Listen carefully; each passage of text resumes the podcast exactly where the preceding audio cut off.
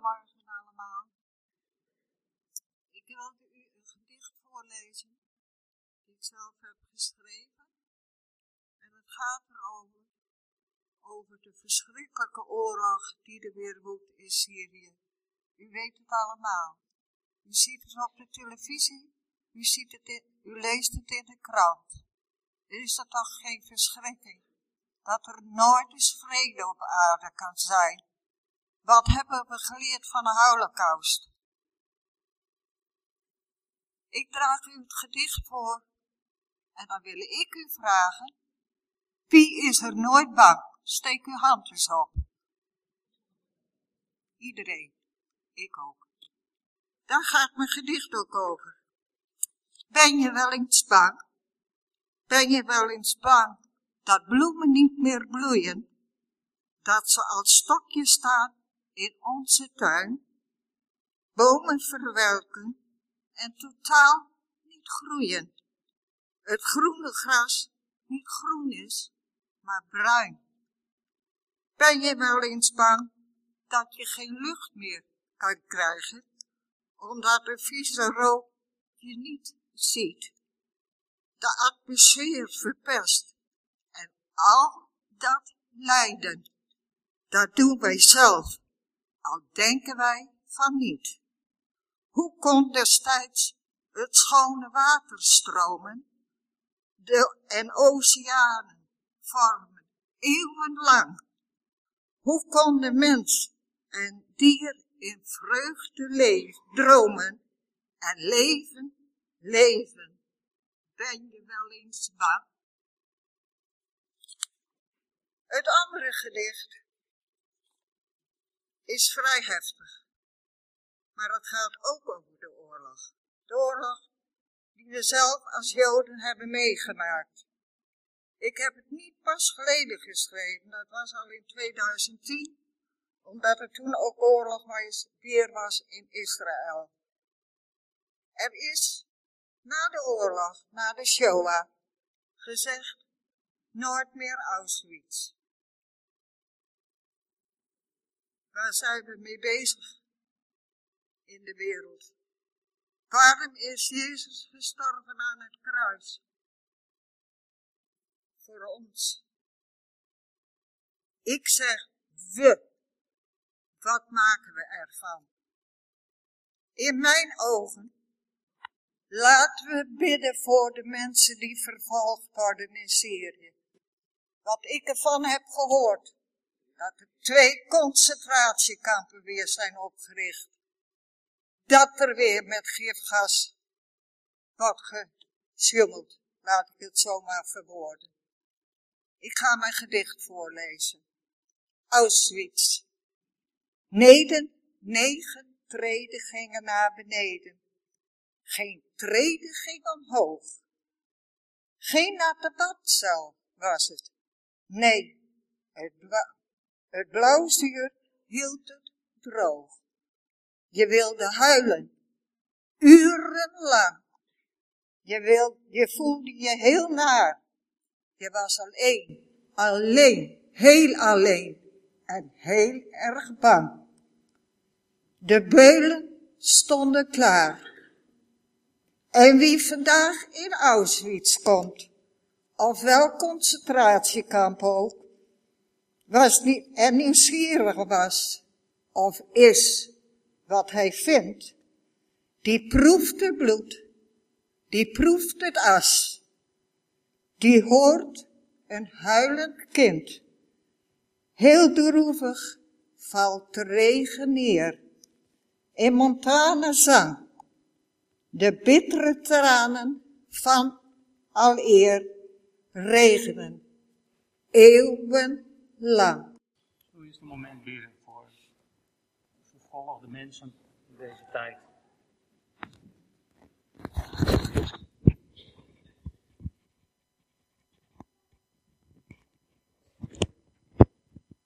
Hier ook, vandaag worden mensen vervolgd. Hier in Syrië en in zoveel andere landen op de wereld. Vaak zijn het onze broeders en zusters, christenen, maar vaak ook anderen. Hier als we zien hoe, moslims elkaar onderling vermoorden en vervolgen. En ook in andere religies, heren, we dragen op dit moment iedereen die vervolgd wordt en die daardoor zo onnoemelijk moet lijden aan u op in de naam van Jezus. Amen. Ik wil graag met u lezen uit Deuteronomium 11.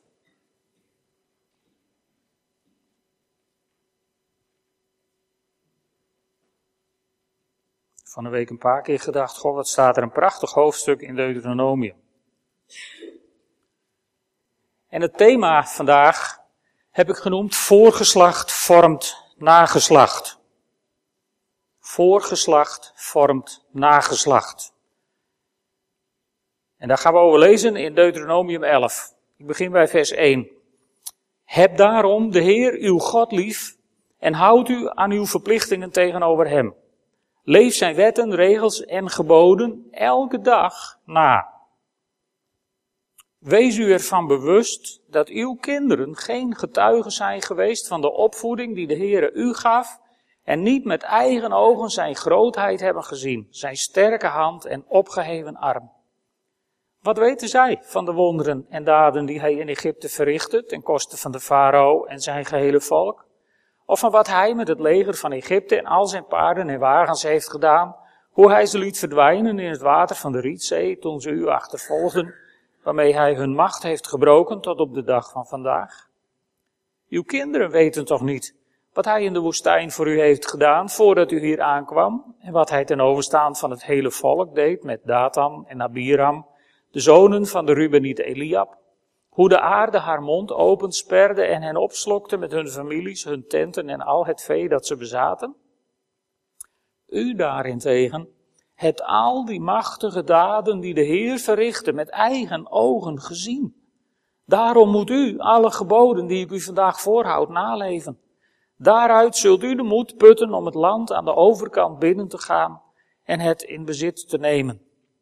Dan zult u lang leven in het land dat de Heere u onder ede aan uw voorouders en hun nageslacht heeft beloofd. Het land dat overvloeit van melk en honing. Want het land dat u in bezit zult nemen is heel anders dan Egypte waar u vandaan komt. Daar moest u de akkers na het zaaien kunstmatig bevloeien als een groentetuin. Maar het land aan de overkant is een land met bergen en dalen dat zijn dorst lest met het water uit de hemel. Het is een land waaraan de Heer, uw God, veel zorg besteedt en waarover Hij waakt het hele jaar door, van de eerste tot de laatste dag.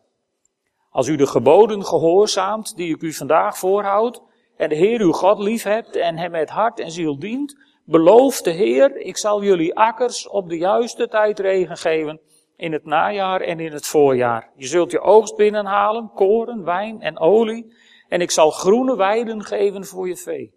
Je zult er leven in overvloed. Maar pas op. Laat u er niet toe verleiden een dwaalspoor te volgen, voor andere goden neer te knielen en ze te vereren, want dan roept u de woede van de Heer over u af en zal hij de hemel sluiten. Er zal geen regen meer vallen en de hele oogst zal mislukken en spoedig zult u verdwenen zijn uit het goede land dat de Heer u zal geven. Houd mijn woorden dus in gedachten. Maak ze uw eigen. Draag ze als een teken om uw arm en als een band op uw voorhoofd. Prent ze uw kinderen in en spreek er steeds over thuis en onderweg als u naar bed gaat en als u opstaat. Schrijf ze op de deurposten van uw huis en op de poorten van de stad. Dan zullen u en uw kinderen lang mogen wonen in het land dat de Heer uw voorouders onder ede heeft beloofd, zolang de hemel boven de aarde staat. Wanneer u alle geboden die ik u geef zorgvuldig naleeft en de Heere uw God lief hebt, hem bent toegedaan en de weg volgt die hij wijst, dan zal hij ter wille van u al die volken die groter en machtiger zijn dan u verdrijven en hun land aan u in bezit geven. Elk stuk grond dat u zult betreden is voor u. Uw gebied zal zich uitstrekken van de woestijn tot aan de Libanon en van de rivier de Eufraat tot aan de zee in het westen. Er zal niemand zijn die, u kan tegen, die tegen u kan standhouden. De Heer uw God laat in het land dat u binnengaat iedereen van angst voor u beven zoals hij u heeft beloofd. Besef goed, vandaag stel ik u voor de keuze tussen zegen en vloek. Zegen als u gehoorzaam bent aan de geboden van de Heer uw God, zoals ik ze u vandaag voorhoud. Vloek als u zijn geboden niet gehoorzaamt en afwijkt van de weg die ik u vandaag wijs en achter andere goden aanloopt, die u eerst niet kende. Wanneer u straks door zijn toedoen in het land aankomt dat u in bezit zult nemen, moet u op de Gerizim de zegen uitspreken en op de Ebal de vloek. Deze bergen liggen ten westen van de Jordaan, ter hoogte van Gilgal, vlak bij de eiken van More. Ze zijn te bereiken over de weg die door het gebied van de Canaanieten in de Jordaanvallei naar het westen loopt. Straks steekt u de Jordaan over om het land binnen te gaan dat de Heer u zal geven. Wanneer u het in bezit hebt genomen en er woont, leef dan alle wetten en regels die ik u vandaag voorhoud strikt na.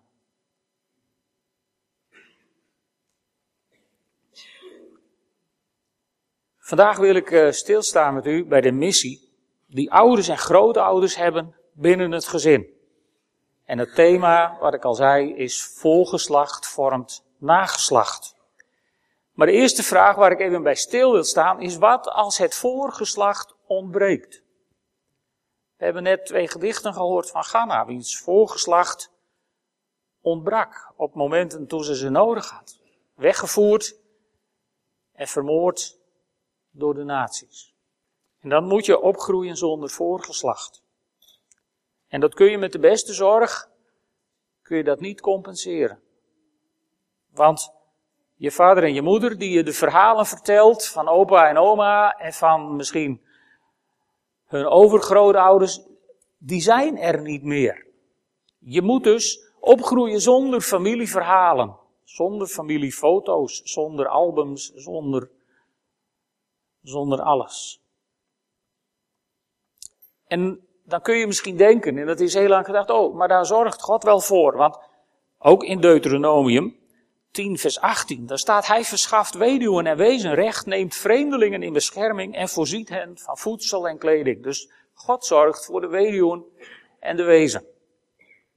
Alleen, hij heeft die zorg voor weduwen en wezen uitbesteed aan ons mensen. Dit is dus een missie, een missie die je als mensen hebt. Omzien naar de weduwen, naar de wezen en naar de vreemdeling in je omgeving. Dat staat namelijk ook in Deuteronomium. Deuteronomium is bijna een samenvatting van de Bijbel. Hoofdstuk 24, vers 17. U moet de rechten van vreemdelingen en wezen eerbiedigen. Van weduwen mag u het overkleed niet in pand nemen. Bedenk dat u zelf slaaf bent geweest in Egypte, totdat de Heer uw God u heeft bevrijd. Daarom gebied ik u zo te handelen. Wanneer u bij de graanoogst op de akker een schoof vergeet, mag u niet teruggaan om die op te halen. Laat hem achter voor de vreemdelingen, weduwen en wezen. De Heere uw God zal u erom zegenen in alles wat u onderneemt. En wanneer u bij de olijvenoogst tegen de takken slaat, mag u achteraf niet nagaan of u wel alles hebt. De rest is voor de vreemdeling, weduwen en wezen. En wanneer u bij de wijnoogst druiven plukt, mag u niet alles nog eens nalopen. De rest is voor de vreemdelingen, weduwen en wezen. Bedenk dat u zelf slaaf geweest bent in Egypte. Daarom gebied ik u zo te handelen. Maar de Bijbel gaat nog iets verder dan ze niet laten verhongeren. Want ook in Deuteronomium 16, vers 14, daar gaat het over de feesten in Israël. Daar staat vier dan uitbundig feest, samen met uw zonen en dochters, uw slaven, uw slavinnen en de levieten, de vreemdelingen, de weduwen en de wezen die bij u in de stad wonen. Dus, met andere woorden, we hebben als christenen een morele verplichting van God gekregen om om te zien naar de vreemdelingen in ons midden en naar de weduwen en naar de wezen onder ons. Om daar er voor, voor hen te zijn. En we gaan Deuteronomium 11 dus bekijken met dit in gedachten, dat elke keer als het gaat over die kinderen, dat het niet alleen over die kinderen gaat, maar ook over die wezen die geen vader en moeder hebben en misschien wel geen verhaal uit hun voorgeslacht die weduwe en die vreemdeling. En dan hebben we natuurlijk die pakers en beppers nog, hè, want vorig jaar heette dit paken en beppersnijn. Nou, ook in die pakers en beppers is voorzien. Ook in Deuteronomium.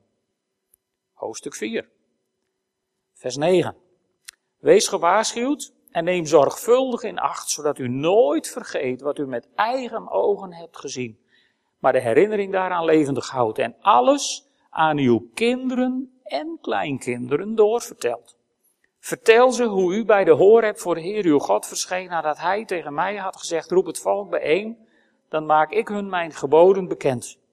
Dan leren ze ontzag voor mij te hebben zolang ze leven. En brengen ze dat ook hun kinderen bij. Dus als je het aan je kinderen en je kleinkinderen vertelt en die brengen het ook hun kinderen bij, ben je al in het derde geslacht. En als die het dan ook aan hun kleinkinderen vertellen, ben je al in het vierde geslacht. dit is, ik vind dit eigenlijk een veel leukere ontmoeting met tot het derde en het vierde geslacht dan die andere die, die iedereen zo goed kent. Als je dus trouw de verhalen vertelt, de verhalen vooral vertelt, niet de regeltjes en de wetjes elkaar oplegt, maar elkaar de verhalen vertelt. En niet alleen de verhalen uit de Bijbel, maar de verhalen die u met God hebt beleefd. En ik hoop van ganser harte dat je op dat gebied wat te vertellen hebt. Aan mensen, aan je kinderen en aan je kleinkinderen. En, en dan kan het zijn inderdaad dat dat voorgeslacht ontbreekt. Omdat het er niet meer was. Dat is natuurlijk de meest dramatische vorm. Maar er zijn ook heel veel mensen van wie het voorgeslacht er misschien fysiek wel was, maar geestelijk niet. Omdat vader of moeder of beide het veel te druk hadden om jouw verhalen te vertellen. Of de verhoudingen dusdanig ziek waren in een gezin, of zijn, dat er amper verteld wordt. Of dat er andere redenen zijn. Mijn vader was, uh, was een geweldige man. Maar vlak na de oorlog was het motto niet zeuren, maar werken. En, en dat betekende dat mijn vader zondagsavonds dag tegen ons zei. Dus maandagsmorgens heel vroeg vertrok. En zaterdags weer thuis kwam. En dan zeiden we weer dag tegen elkaar. Dus, en als kind had je daar op een of andere manier niet zoveel last van. Of je zat in een soort overlevingsstrategie. Maar toen ik later geconfronteerd werd met, met God die je vader wilde zijn, heb ik heel lang moeten leven met het gevoel van, nou mooi, God is mijn vader, dus die is er op zondag. En de rest van de week moet je je maar redden. Gelukkig is God niet zo. En mijn vader had het misschien had het zo ook niet gewild, maar het was toen zo in die tijd. De economie heeft wat dat betreft heel wat vaders uit gezinnen gehaald en doet dat tot de dag van vandaag nog steeds. Maar goed, als het voorgeslacht er wel is, dan zegt Deuteronomium 11, zegt iets over dat voorgeslacht. Hè? Wij, wij hebben een verplichting ten opzichte van onze kinderen. Als ouders ben je heel gauw geneigd om je kinderen te vertellen dat zij allerhande verplichtingen hebben en van alles moeten.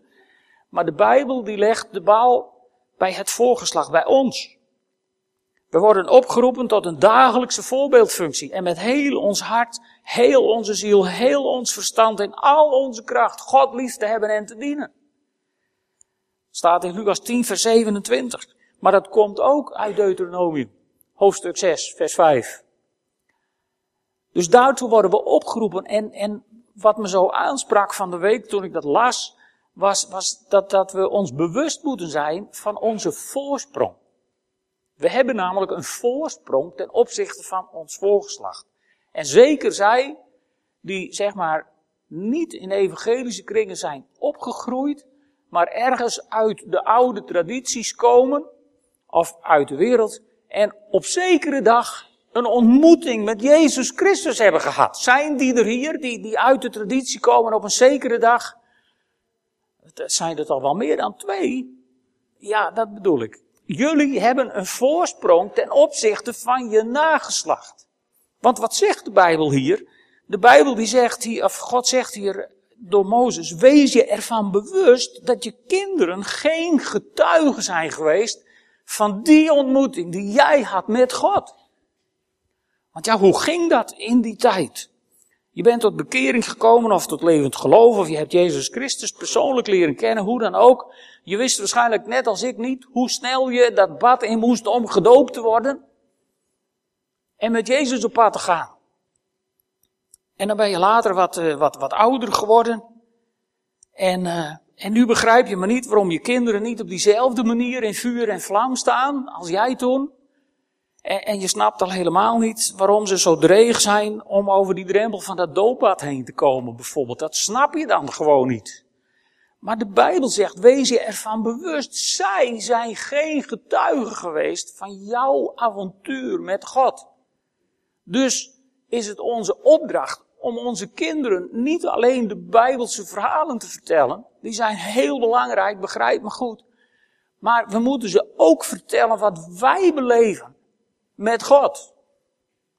Ze waren er niet bij toen jij die ontmoeting had met Jezus Christus. En als ze het niet van je horen, dan weten ze tot in lengte van jaren niet eens dat het mogelijk is om een ontmoeting met Jezus Christus te hebben. En daarom ben je gezegend als je een voorgeslacht hebt, wat, wat die weg met Jezus is gegaan. En daar verhalen over vertelt. De Bijbel zegt het zo mooi hier. Wat weten zij van de wonderen en de daden? Uw kinderen weten toch niet, maar u daarentegen in vers 7 hebt al die machtige daden die de Heer verrichtte met eigen ogen gezien. Je hebt het meegemaakt. Vertel erover, getuig erover tegen je kinderen. Maak ze enthousiast voor Jezus, zodat ze op een dag diezelfde ontmoeting mogen hebben die jij hebt. En dan zijn ze niet dreig meer om het water in. Echt niet. Alleen je moet het ze niet alleen vertellen met woorden. We worden in dit hoofdstuk ook ongelooflijk opgeroepen om, om te leven in geloof. In vers 7, daar wordt dat gezegd, dat las ik net, hè, dat we een persoonlijke beleving met God hebben gehad.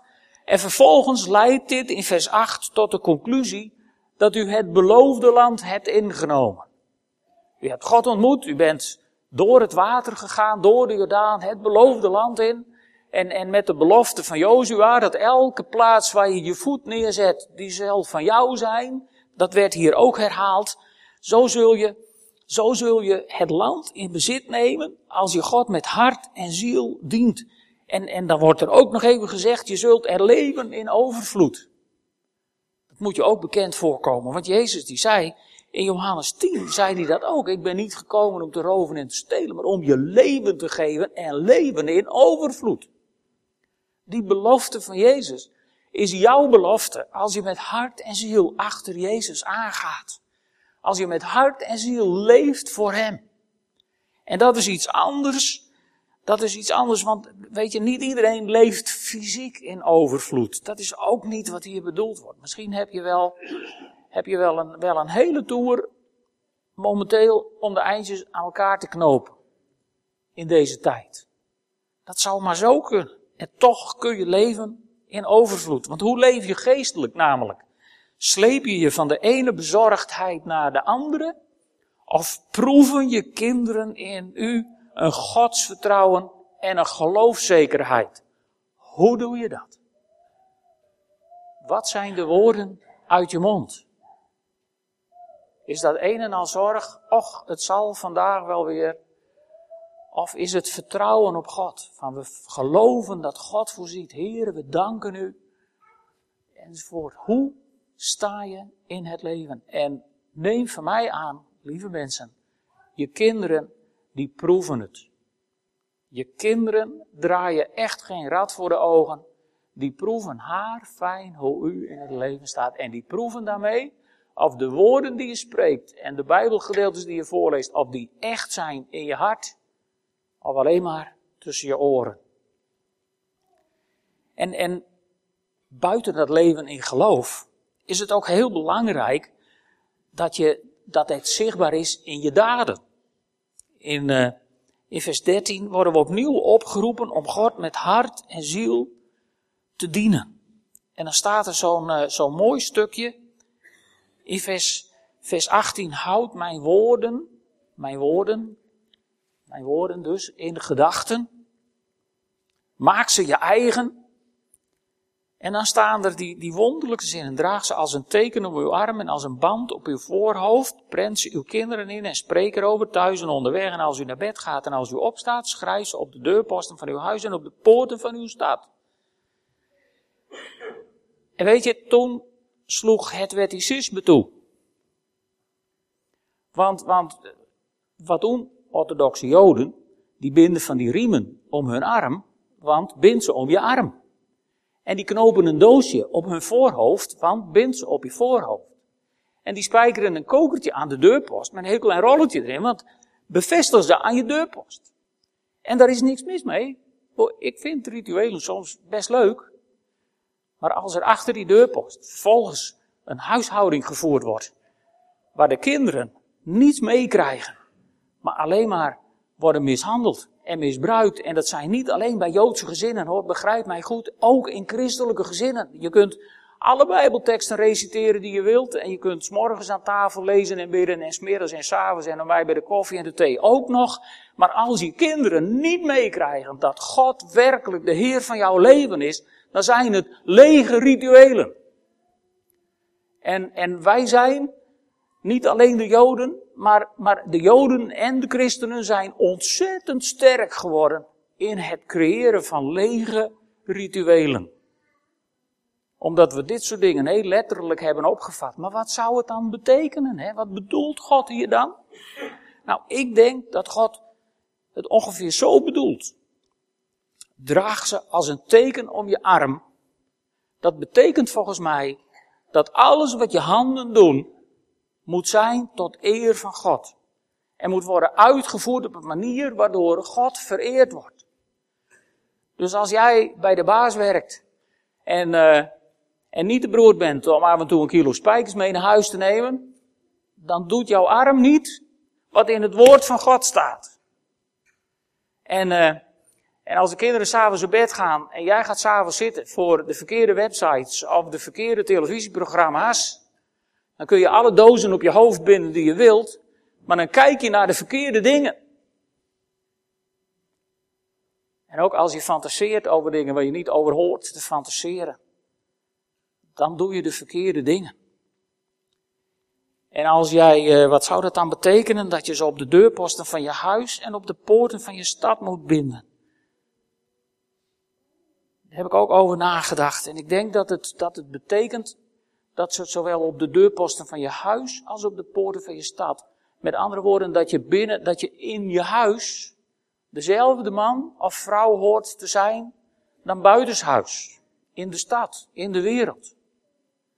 En er zijn erg veel christenen die zijn in de wereld anders dan thuis. En al helemaal anders dan in de kerk.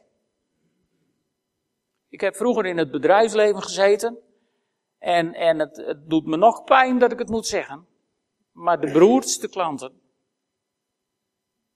waren de meest orthodoxe christenen. Daar moest je altijd oppassen of je je geld wel kreeg en laat je ja ja zijn en je nee nee, dat was heel vaak niet geldig. Erg veel mensen zijn er geweest en zijn er misschien nog wel. Die zijn buiten de kerk anders dan binnen de kerk. En zouden wij niet als gelovigen, als kinderen van God, gewoon als we straks hier weer weggaan, pas lang na de koffie, hè, als we dan weer weggaan, dan zouden we dezelfde mensen moeten zijn dan als we hier vanmorgen met elkaar zijn. Zo belangrijk dat het leven buiten het huis hetzelfde is als binnen het huis. Want je kinderen, lieve vrienden, die merken dat. Die merken het verschil tussen vader in huis en vader buitenhuis. Dat proeven ze. En het is aan ons om, om wat dat betreft een voorbeeld te zijn. Dus in ons leven in geloof je niet altijd zorgen maken. En je hebt misschien wel zorgen, maar als Jezus zegt in de bergreden dat je je geen zorgen moet maken, dan bedoelt hij niet dat je niet bezig moet zijn met het leven van alle dag. Je begrijpen wel wat ik bedoel. Dan bedoelt Jezus dat je je niet van zorg naar zorg sleept, maar dat je durft om je leven in de handen van God te leggen. En echt gewoon durft te bidden. Geef ons heden ons dagelijks brood in het vertrouwen dat God voor je zorgt. Durven we het? En durven we inderdaad dat te doen wat God van ons vraagt? En weet je, als ons gedrag onze woorden weer spreekt, dan leren wij onze kinderen wetticisme en religiositeit. En dat is niet wat we willen. Als onze kinderen, onze kleinkinderen, de wezen en de vreemdelingen om ons heen, in onze omgeving, die eerste dingen allemaal op orde zien en zien dat we leven vanuit God, dat we spreken over God, dat we getuigen van Zijn grote daden in ons leven en dat we vervolgens christenen zijn die blij zijn midden in de zorgen, die, die halleluja durven te roepen midden in de nood. Als mensen dat zien, dan valt dat inprenten wel wat mee. Dan hoef je daar echt niet meer zo hard je best voor te doen. En dan hebben we nog een derde partij. Dus mensen waarbij het voorgeslacht ontbrak, wij zelf. Maar we hebben ook mensen bij wie het nageslacht ontbreekt. Naast ontbrekend voorgeslacht dus. En dat kan zijn dat je bent of niet getrouwd, of je bent wel getrouwd en je hebt geen kinderen. En dat kan een bron van veel verdriet zijn. En daar willen we vanochtend ook niet aan voorbij gaan. Dat zijn noden, daar kan alleen God in voorzien. En ik bid dat God u, als het over u gaat, de genade schenkt. Dat u desondanks kunt genieten van jong leven in uw familie en hier in de kerk. Dat u even zo goed blij kunt zijn met Gerrit en Maria, hun nieuwe aanwinst van hedenmorgen. Maar waar ik vandaag eigenlijk even meer stil bij wil staan, dat is het ontbrekende nageslacht, wat er fysiek wel is, maar geestelijk niet is, omdat ze besloten hebben, omdat je kinderen of je kleinkinderen besloten hebben om Jezus Christus niet te volgen. Ook dat is een diep verdriet voor ouders en grootouders. Je hebt zo je best gedaan. En toch maken je kinderen andere keuzes. Laat je dan vandaag niet aanklagen door dit hoofdstuk uit de Bijbel. En laat je ook niet aanklagen door deze preek. Misschien heeft Satan je inmiddels wel ingefluisterd dat je op bepaalde punten gefaald hebt. Nou, dat zal wel, dat heb ik ook. En ik zeg het heel vaak dat mijn kinderen momenteel de Heer dienen, is niet mijn verdienste, maar Gods genade. Dus laat je, laat je geen schuldgevoel aanpraten. Want wij dienen een genadige God die troost en alle schuld vergeeft. Al heb je ook nog zoveel fout gedaan in je opvoeding. Als je daarmee naar God gaat, dan neemt Hij het in zijn handen. En dan maakt Hij daar iets goeds van.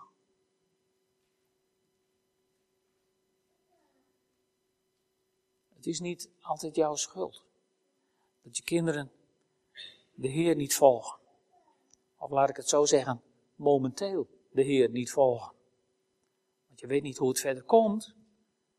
Wat je kunt, is bidden voor je kinderen en bidden voor je kleinkinderen. En ik, ik, ik ga er blindelings van uit dat iedere ouder en iedere grootouder dat doet.